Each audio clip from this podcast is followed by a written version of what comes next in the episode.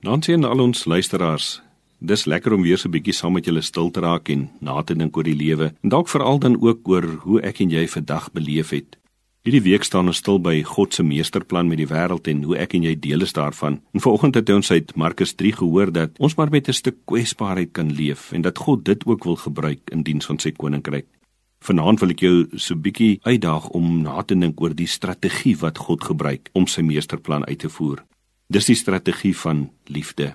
Nou ek is seker daarvan vriende dat elkeen van ons al baie boodskappe en preke gehoor het oor 1 Korintiërs 13 en moet ek erken heel dikwels van hulle so 'n bietjie te veel al by 'n huwelikseremonie. Die agtergrond van die Korintebrief is dat die gelowiges in hierdie gemeente nogal heelwat oor sake van mekaar verskil het en dat Paulus dan eintlik hierdie brief aan hulle skryf om hulle te herinner daaraan dat God juis die onderlinge liefde wil gebruik om iets van sy koninkryk sigbaar te maak. Nou ek gaan nie vanaand vir jou verveel met 'n klomp teologiese argumente of humanitêre redes waarom die uitleef van goddelike liefde so noodsaaklik is vir die tyd waarin ons osself bevind nie.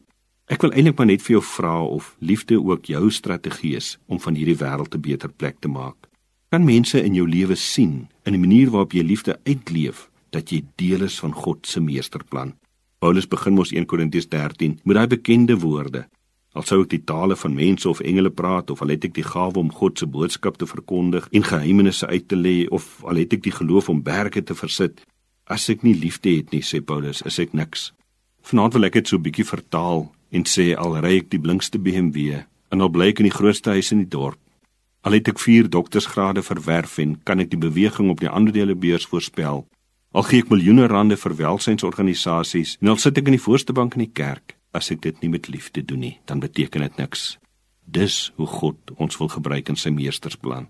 Die manier waarop ek en jy liefde leef, maak die verskil. Die bekende Gregoriaanse lied uit die 4de eeu help ons mos hiermee.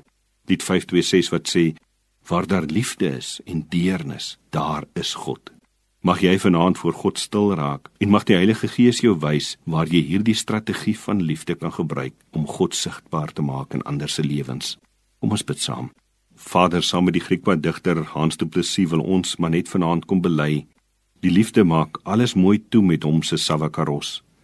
Dale die ou op, voorspellings verdol en woorde raak los, maar die liefde, die sal nou tot by die ewigheid toe net so bly. Gee daarom, Here, dat ons met u liefde sal leef. Amen.